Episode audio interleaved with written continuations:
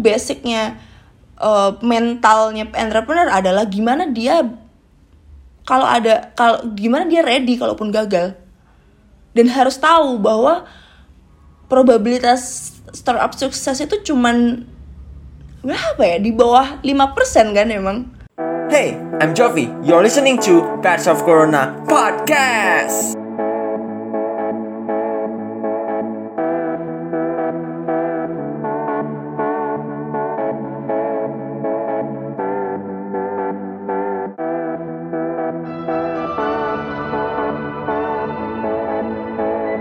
Halo guys, welcome back to Batch of Corona. Di episode ke-10 kali ini kita akan membahas sebuah topik mengenai bagaimana sih caranya membangun dan mengembangkan bisnis di saat kuliah, serta kita juga membahas mengenai beasiswa LPDP Entrepreneurship. Yang akan disiaringkan langsung oleh tamu kita yang tentunya sangat sudah berpengalaman dalam bidang ini, yaitu adalah Kak Romaya Nidawatoni. Dia adalah LPDP Entrepreneurship Awardee 2021 Program Manager of Churchill Bizacel President University Business Incubator, Startup and Family Business Practitioner, dan juga Master of Science in Entrepreneurship of Babson College Applicant. Halo Kak Maya, apa kabar? Hello Jovi, nice to meet you. Nice to meet you too Kak. Uh, good to see you again. Thank you. Makasih udah mau meluangkan waktunya nih Kak buat podcast ini. It's such an honor mm -hmm. for me to have you in this podcast. Thank you, thank you juga udah diundang ke sini. Ya kak, sama-sama. Oke, okay. uh, mungkin sebagai pembuka, Kamaya kan ini lagi uh, bisnis ya, uh, ceritain.id ya namanya ya kak. Itu boleh nggak ceritain ke kita secara singkat itu bisnis seperti apa sih gitu kak? Oke, okay. Uh, mungkin Jovi juga belum terlalu tahu ya. Jadi emang uh, ceritain ID itu aku foundernya, salah satu founder. Tapi aku udah nggak menjabat sebagai CEO-nya jadi jadi hmm. emang uh, karena akhir ini aku fokus sama untuk admission macam-macam jadi di take over sama temen aku yang lain sebagai founder eh, sebagai CEO nah cuman ceritain ide apakah masih ada? Masih. Dan itu apa gitu ya itu adalah sebuah layanan pertolongan pertama untuk kesehatan mental. As simple as that. Jadi kita manage untuk membantu lebih banyak ke remaja dan dewasa muda untuk mengatasi first aid ya. First aid dalam mental health mereka. Jadi kalau misal kamu waktu kamu masih kecil uh, belajar naik sepeda. Nah setelah naik sepeda kamu latihan sepeda habis itu kamu jatuh gitu kamu nggak mungkin ke rumah sakit gitu nggak mungkin ke dokter spesialis untuk ngobati kamu luka karena naik sepeda itu nah yang kamu butuhin adalah uh, P3K gitu kayak ya Hansaplas, ya alkohol dan lain-lain. Nah itulah mental health juga perlu ada first aid-nya. Hmm. Karena dengan kita mengatasi uh, mental health problem sedini mungkin dan sekecil mungkin tanpa mengurangi uh, apa ya, tanpa mengurangi respect atas masalah besar ya tentunya. Dengan kita menol, menala, meng, mengatasi masalah mental sedini mungkin itu bisa nge-prevent masalah yang lebih besar ke depannya. Gitu deh.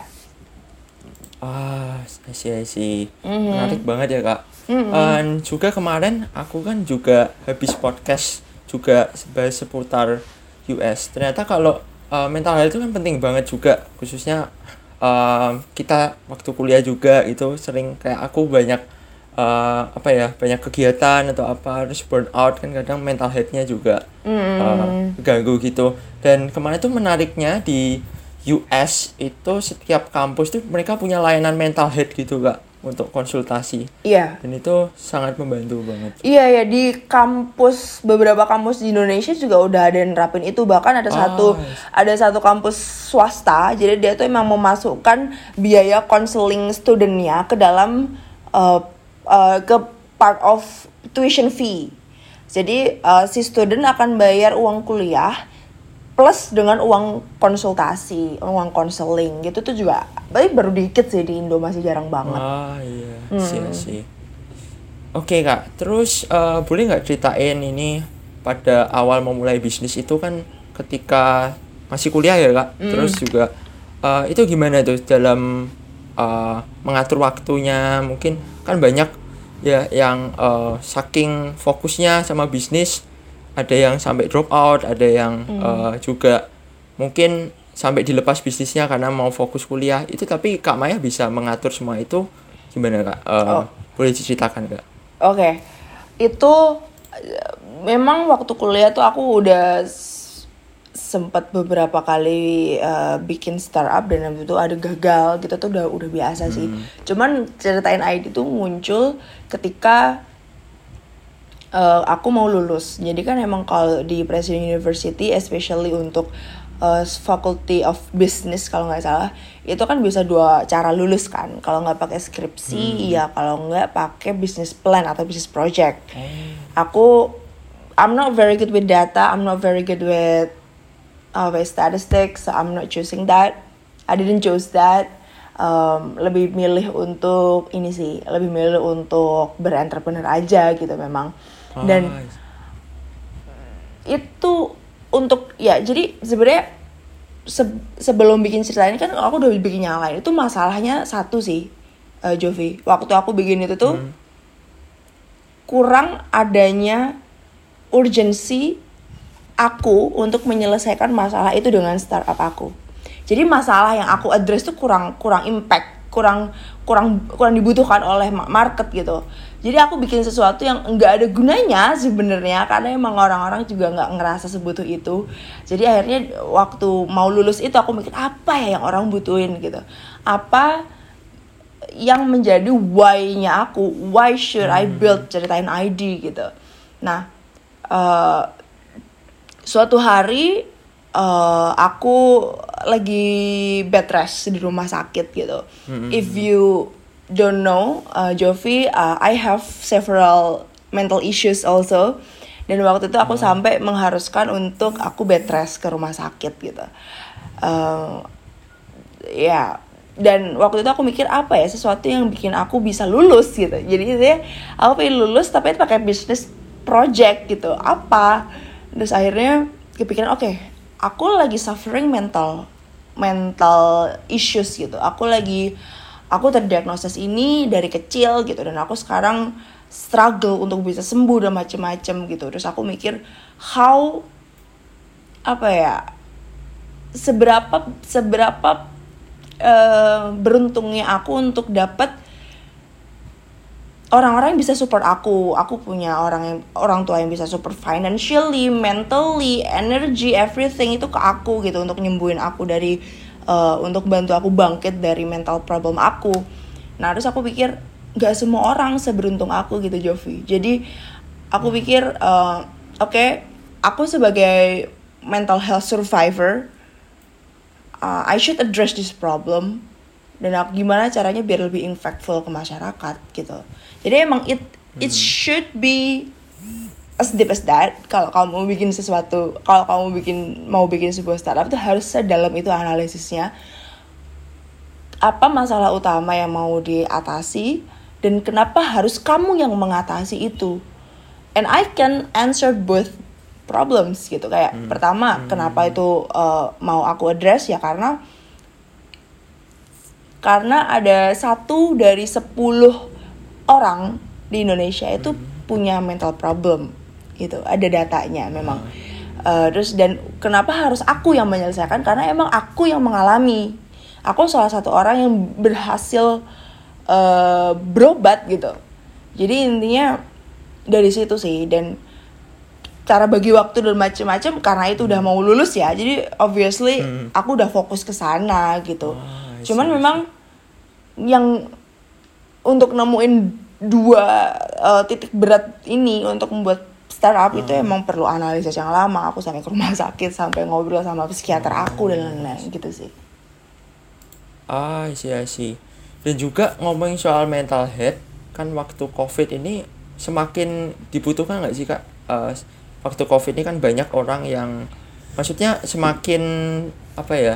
Di ceritain.id itu semakin banyak klien gitu nggak waktu COVID-19 pandemi ini karena kan banyak yang mungkin kehilangan pekerjaannya atau eh, apa ya masalah dalam keluarga dan lain-lain yang berhubungan pastinya berhubungan sama mental health gitu.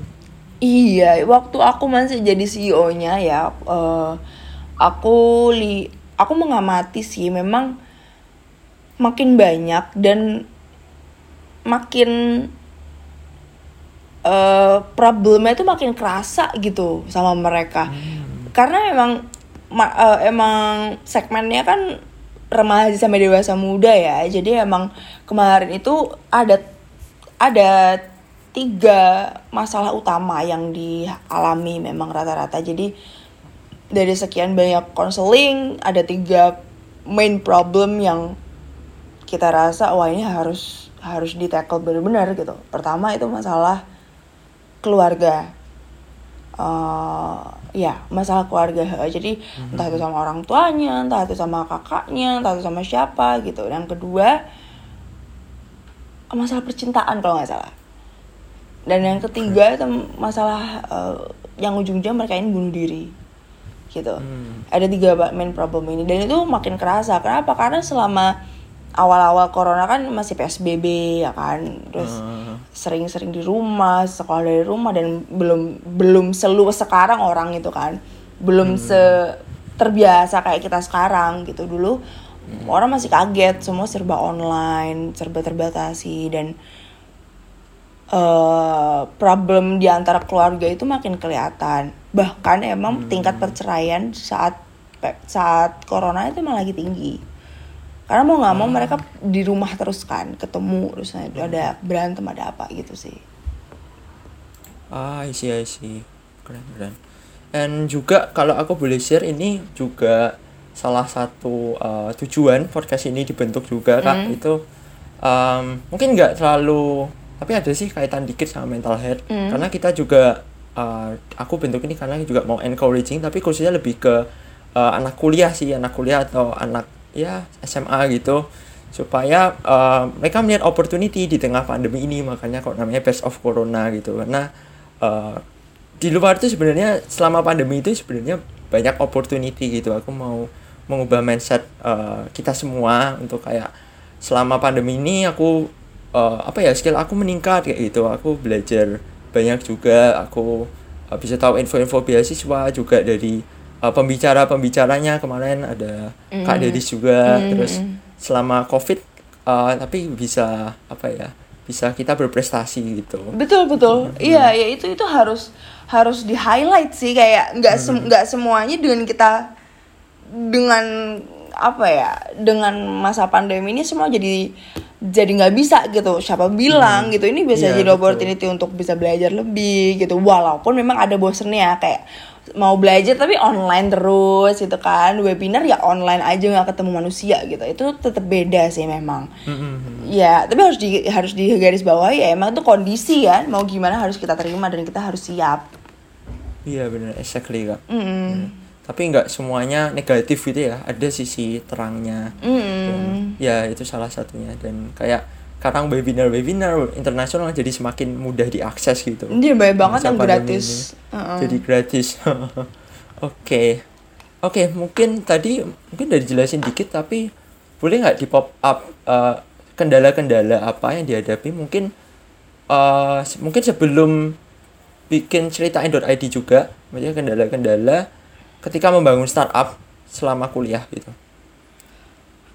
Kendala. eh Oke, jadi dulu tuh aku ketika jadi mahasiswa itu aku aktif bukan aktif sebagai anak event, bukan aktif sebagai Hmm. anak organisasi gitu, tapi aku aktif sebagai part timer. Jadi eh, aku ngerasa mahal banget kuliah di presiden dan aku cuma dapat beasiswa cuma separuh loh Jovi cuman cuma 50% jadi itu masih kerasa banget mahalnya sih buat aku.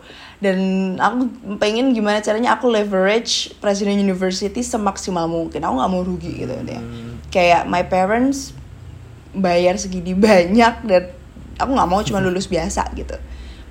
Nah akhirnya eh, aku diajak kerja sama kamu tahu Seradi nggak tahu kak Ya, Seradi itu kan guru entrepreneurship yang mantap banget tuh di PU kan. Wah, Nah, dia bilang ngajak kayak Maya, Maya butuh ini nggak Eh, uang jajan tambahan gitu. Mau nggak jadi part time saya? Oh siap siap gitu.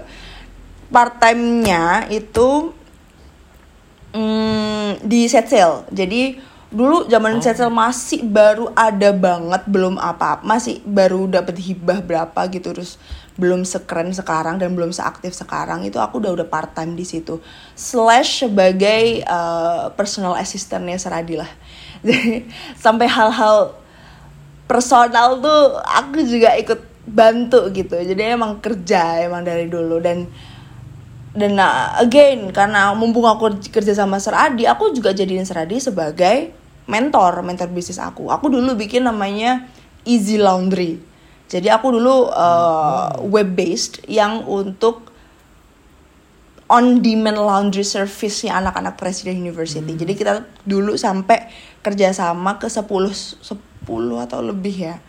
Minimal 10 lah. Di atas 10 laundry yang ada di Cikarang. Jadi kita kerjasama bagi fee dan lain kita yang nganter.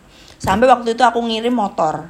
Jadi motor dari rumah aku dinaikin kereta terus naik ke Cikarang Oh. Uh, waktu ada anak magangnya aku ya, magangnya aku hmm. uh, kerja naik motor, kalau enggak ya aku sendiri naik motor angkutin semua sama temen aku, angkutin laundry laundry hmm. gitu. Nah, kendala utama ketika aku menjalankan itu adalah sibuk bagi waktu ya bagi waktu of course lah cuman kayak itu tuh hal yang paling basic gitu loh Jovi menurut aku hmm aku malu sih kalau aku ngomong aku nggak bisa bagi waktu. Apa pun itu. Aku misal ada uh, ada tuh waktu itu mau UT mau mau mau ujian terus ada kerjaan juga di set sale serada minta tolong dibuatin visa I don't know probably. Wow. uh, terus uh, aku juga ada kerjaan di easy laundry gitu. Aku nggak mungkin bilang aku nggak punya waktu. That's the most basic thing yang menurut aku be, apa ya menurut aku aku nggak boleh sampai ngomong aku nggak punya waktu dan aku nggak bisa bagi waktu. Itu itu hal hal yang paling remeh gitu. Itu obviously aku nggak mau ngomongin nggak mau bagi waktu. Cuman kendalanya mungkin yang lain ya yang yang yang aku mau address di sini. Hmm. kendalanya itu mungkin karena aku masih muda ya masih kecil masih belum berpengalaman banget dan itu baru pertama kalinya aku bangun bisnis yang beneran. Itu nggak siap mental sih. Oh. itu mungkin. Jadi kendalanya adalah aku terlalu naif untuk mau gagal gitu. Aku terlalu terlalu gengsi untuk ngakuin aku probabilitas aku ngejalanin bisnis itu bisa gagal. Aku tuh terlalu gengsi. Aku mikir oh ini the best sih. Nanti aku lul selesai lulus aku mau lanjutin aku mau bikin cabang di sini sini aku mau ini ini hmm. gitu. Terlalu gitu gitu. Padahal harusnya menurut aku basicnya uh, mentalnya entrepreneur adalah gimana dia kalau ada kalau gimana dia ready kalaupun gagal. Dan harus tahu hmm. bahwa probabilitas startup sukses itu cuman berapa ya? Di bawah 5% kan emang? Gitu. Itu itu sih kendalanya. Jadi lebih ke nata mental nata mindset nata hati. Gimana caranya? Kalau gagal aku biasa aja. Aku malah belajar. Itu gitu. Jadi lucunya tuh karena Seradi tuh selalu ngementorin aku dan memantau dari jauh. Waktu aku gagal aku balik ke Seradi hmm. Seradi kayaknya ini udah nggak bisa gitu. Kenapa Mai? Gitu. Aku jawab iya karena ternyata market nggak terlalu butuh. Masalah saya masalah uh, anak-anak PU itu susah laundry itu ternyata cuma masalah saya aja. Dan mungkin sekelintir orang aja. Yang lain udah bisa nyelesain masalahnya tanpa ada startup saya. Oh Sradi bilang wah congratulations Maya you learn something dia tahu dari awal kalau aku bakal gitu. Tapi dia diem. Hmm. kayak oke okay, yuk jalan aja Mai. Ya, saya pantau dari sini. Kamu kalau butuh mentoring ayo sini saya mentoring. Kalau kamu udah nemu ngomong sama saya gitu. Iya udah. Akhirnya aku bilang aku nemu finding ini setelah sekian setahun kayak aku nyoba isi lawan itu ini findingnya saya nggak bisa lanjut kayak gini gini gini. Ya udah gitu. Jadi oh, itu, itu mind blown banget sih itu mind blowing wow. banget gitu wow. mantap mantap jadi nggak boleh uh, kita tuh uh, alasan nggak punya waktu tuh nggak boleh apa pun iya, deh setuju sih kak setuju banget mm -mm. and Iya sih, keren banget dengerin cerita Kak Maya tadi. Eh, terus kita ke LPDP Entrepreneurship nih Kak. Ini berarti Kak Maya kan award di batch satunya ya, baru pertama kali ya tahun ini ya. Iya, kalau entrepreneurship, LPDP uh, Entrepreneurship. Eh, boleh nggak Cak diceritain LPDP Entrepreneurship itu apa, terus bedanya sama LPDP yang lain juga, dan kenapa kok Kak Maya pilih eh, ini apa LD LPDP Entrepreneurship dibanding LPDP yang lain gitu? Oke, LPDP Entrepreneurship itu baru banget. Jadi 2021 yang batch 1 kan aku ikutnya memang. Ada yang batch 2 tuh yang mau pengumuman bulan ini. Nah, eh, itu adalah program ke apa ya? Program beasiswanya LPDP yang targeted. Kenapa targeted? Karena emang niche niche banget gitu. Dia maunya mencetak entrepreneur gitu yang di mana kalau setelah lulus ya harus jadi entrepreneur nggak boleh kerja di tempat orang gitu Eh, ya itu bedanya sih dan dan pilihan kampusnya tuh cuman 20-an kalau nggak salah beda kan sama reguler yang ratusan dan ke 20 itu ngeri-ngeri Jovi pilihan kampusnya tuh Ivy League ya kalau yang US pasti Ivy League Oh. Babson nggak masuk Ivy League sih, but kalau entrepreneurship dia nomor satu. Terus Hmm. eh, nggak nggak ada yang biasa-biasa itu nggak ada kampusnya. Jadi senger, sengeri itu memang gitu. Wow. Em, untuk masuk targeted entrepreneurship untuk LPDP-nya sendiri itu eh, benchmarknya di bawahnya reguler. Jadi benchmark IELTS, benchmark kayaknya nilai nilai tesnya juga di bawahnya heeh.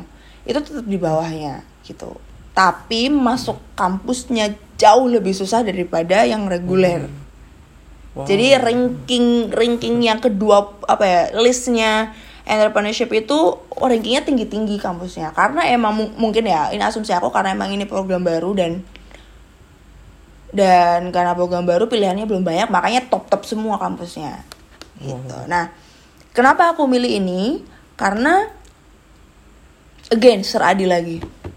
Ah, jadi hidup aku kayak nggak bisa lepas dari dari mentor aku deh itu dia tuh gimana? Oh kan kan yang nawarin aku kerja di set sale ini kan juga Seradi kan. Dulu tuh bos aku Seradi sebelum sama Serendika Ser- sekarang Serendika Hmm. Seradi tuh bilang e, Mai ini saya ngajak kamu kerja di set lagi tapi saya berharap kamu nggak usah nggak usah apa ngelanjutin kontrak ya gitu. Hah? Kenapa sir? Iya ngapain gitu. Ya kamu mah eh ini aja apa bootstrapping start apa aja. Habis lulus kalau emang belum siap bootstrapping ya udah sekolah lagi gitu. Oh ya udah. Ya aku anggap ya udah aja. Habis itu lam, beberapa bulan ke depan oh iya nih bisa nih kayaknya kuliah kuliah lagi gitu kan.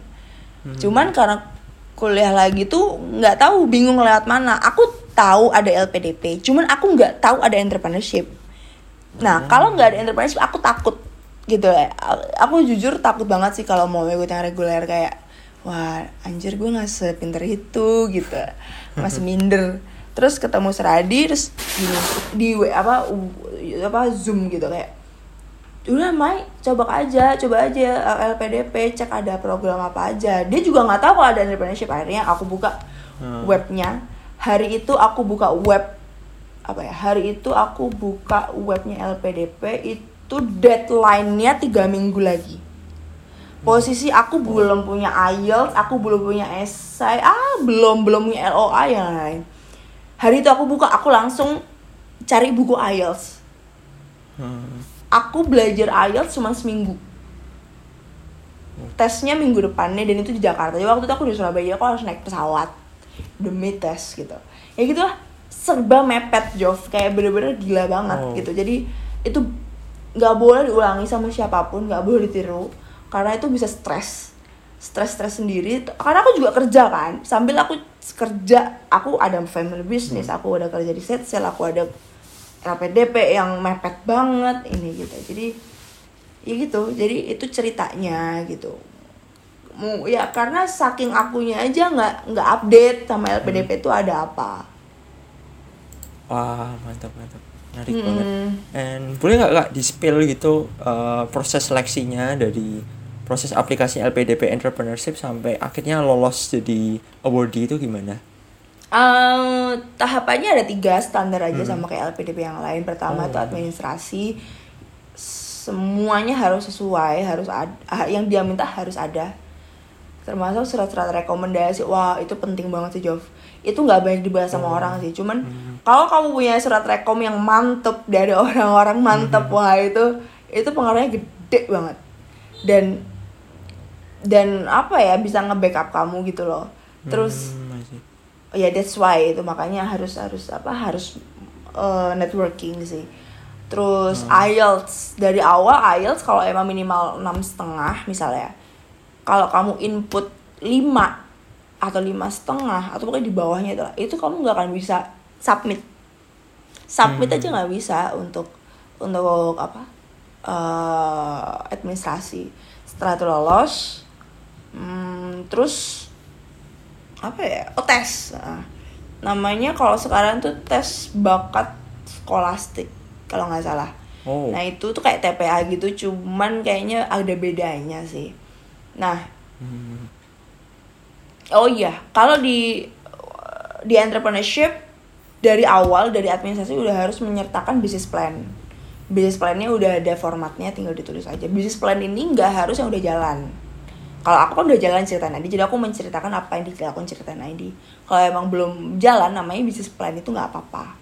Oh. nah terus kalau udah lolos semuanya baru inter uh, interview interview itu kalau aku pribadi karena aku batch pertama entrepreneurship aku nggak ada pengalaman nggak tahu nggak nggak bisa tanya siapa pun kayak gimana sih entrepreneurship itu kalau interview gitu. Akhirnya aku belajar aja ini apa aku mem, aku kayak belajar pitching. Aku pitching aja kayak Ah. terkait bisnis plan aku gitu kan. Terus bener itu jatuhnya kayak pitching. Jadi ditanyain sekilas tentang apa ya tentang esai eh, tentang diri aku habis itu langsung jump into the pitching session gitu itu sih bedanya cuman di pitchingnya aja Oh, I see, I see. Oke, Kak. Oke, kalau eh, ini tadi kan Kak Maya lagi sekarang lagi eh, apply ke Babson College ya. Mm, itu juga disebutin juga.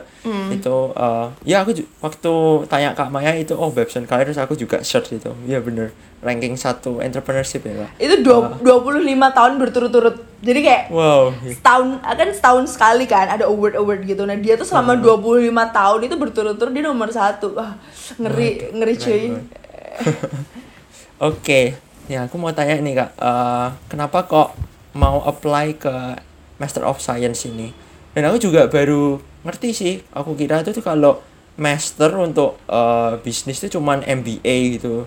Dan mungkin bisa ceritain juga apa bedanya sama MBA, terus eh, kenapa kok Babson College dan kenapa kok di US gitu?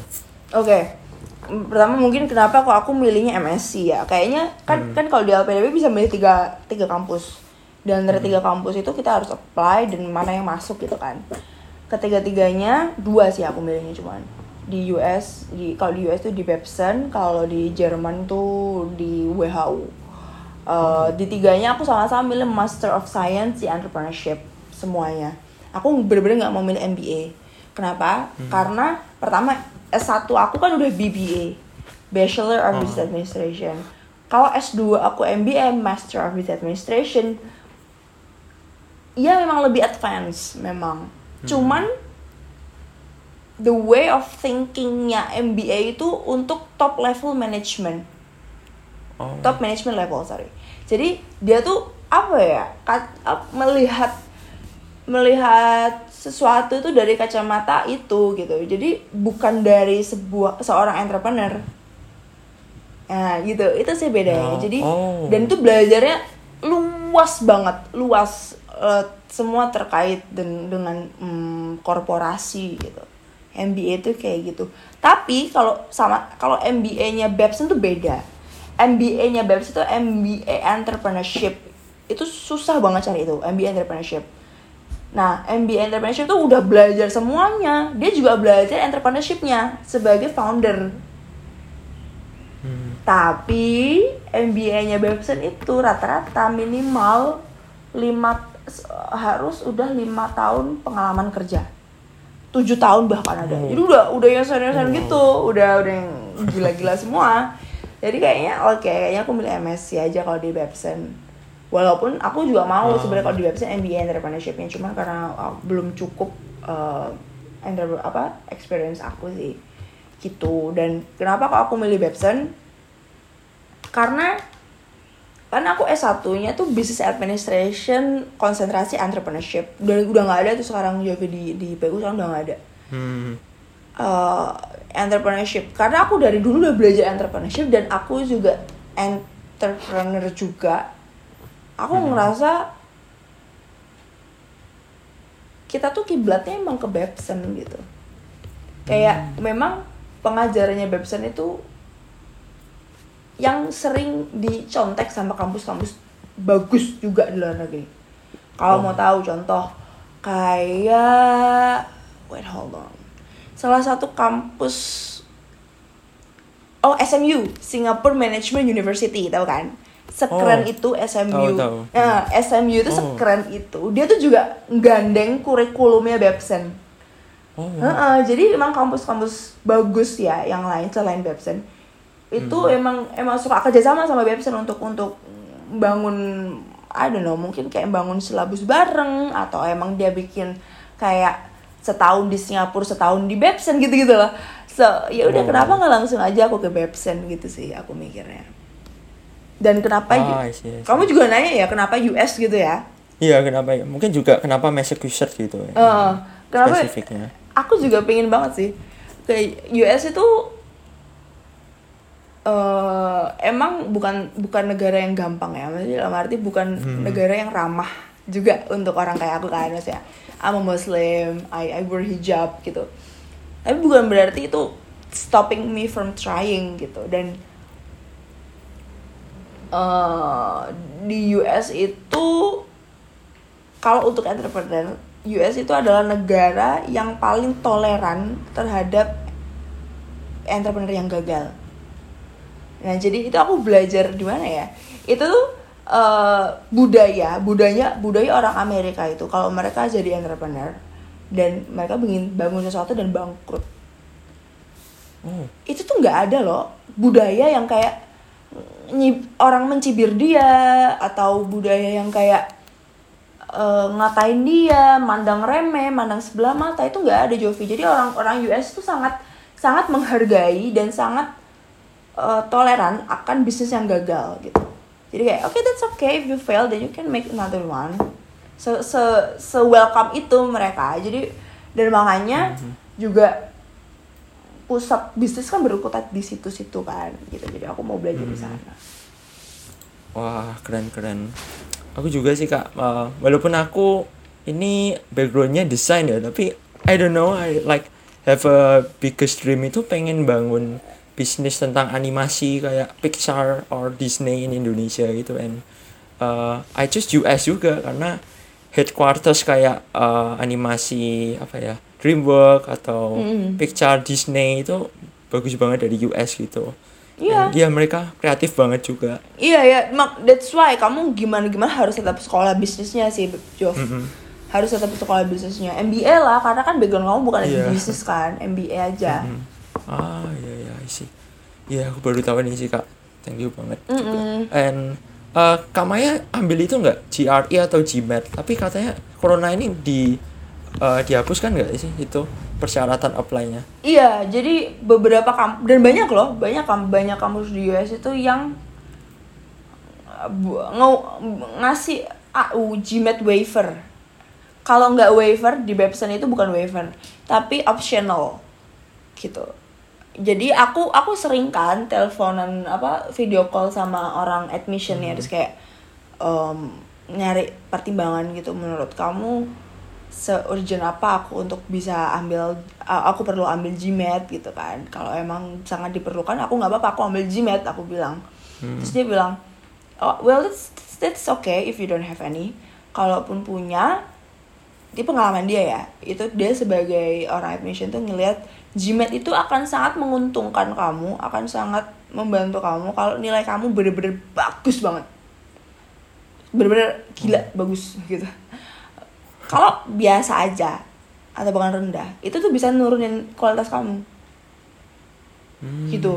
mending kalau emang kamu tidak apa ya kan mepet juga ya waktu itu preparation jadi kalau memang nggak nutut Hmm. untuk untuk untuk ambil GMAT bagusin aja yang lain Ah, misal Ah, recommendation recommendation aku kan kemarin aku dapat dari Prof Joni Rektor sama direktur LPDP oh, Pak Dwi Larso oh. itu jadi recommender aku. Nah, aku aku kuatin backing aku gitu. Jadi aku cari Hmm. rekomendasi orang-orang yang yang sangat berpengaruh. Lalu Hmm. aku juga bikin esai, esainya yang aku ini nih ya, jadi buat kamu juga. Kalau bikin Hmm. esai apa yang yang yang penting ya, maksudnya kayak esai Hmm. admission, esai apa? Kalau bisa kamu cari tutor. Kalau bisa Oh. kamu cari mentor yang yang yang yang harus yang harus tahu yang harus baca punya kamu dan bisa ngasih kamu point of view yang lain gitu Hmm. nah kayak gitu tuh aku siapin matang-matang walaupun aku nggak pakai GMAT dan kalau yang di Jerman itu yang aku mau juga daftar itu kalau untuk Master of Science itu nggak perlu GMAT perlunya pitching suruh Hmm. suruh ngasih eh, dia minta pitch deck dan nanti eh, aku pitching terus nanti kalau lulus aku bisa pakai business plan nggak usah pakai tesis because I hate data I hate I hate Oh. collecting data and I hate statistic you know I got B from Mr. Adi karena Sir Adi yang ngajarin aku statistik waktu itu aku belum kerja sama dia. Eh udah hampir kerja sama dia. Dan aku dapet B gitu. Kayak jelek banget statistik aku. Jadi aku sangat menghindari tesis. Gitu. Ah, I see, I see. Ya, aku juga setuju sih Kak kalau yang eh, esai tadi. Karena aku juga walaupun aku belum pernah daftar tapi dulu aku pernah ikut kayak eh, beasiswanya dapat TOEFL preparation gratis dari ruang guru dan harus pakai esai. Dan esainya tentang eh, mimpi apa rencana plan masa depan. Terus aku kan pernah ikut webinar-webinar juga LPDP jadi aku kayak sistemnya kayak LPDP aku kira kok ini udah bagus. Terus aku di proofread sama cici sepupu aku yang eh, sekarang PhD di itu di tadi Texas A&M terus dicoret banyak gitu. Wah aku jadi belajar banyak. Jadi dapat point of view. Ternyata banyak banget yang dicoret wah kayak harus oh aku mau pengen jadi kayak tadi yang eh, bangun perusahaan animasi terus aku kayak dikasih point of view Eh, ada nggak orang Indonesia yang sebelum kamu eh, apa ya visinya sama kayak gitu terus kamu bisa mengutip itu Iya iya bener-bener. Heeh. Bahkan kemarin aku sama dikomentar sama tutor aku yang kayak Your argument is too shallow. Oke. Ah, kata it's too shallow. I need to make another one. Terus ada yang beberapa dia bilang uh, too cliche gitu. Jadi aku bikin sesuatu yang terlalu klise dan dan harus beda. Ya kayak gitu tuh harus harus harus ada orang lain yang harus baca dan Hmm. dan saran aku sih emang dia bahasa Inggrisnya udah jauh banget sih. Hmm. Wah, I see. Terus aku juga belajar soal esai itu kita kayak storytelling ya biasanya kak.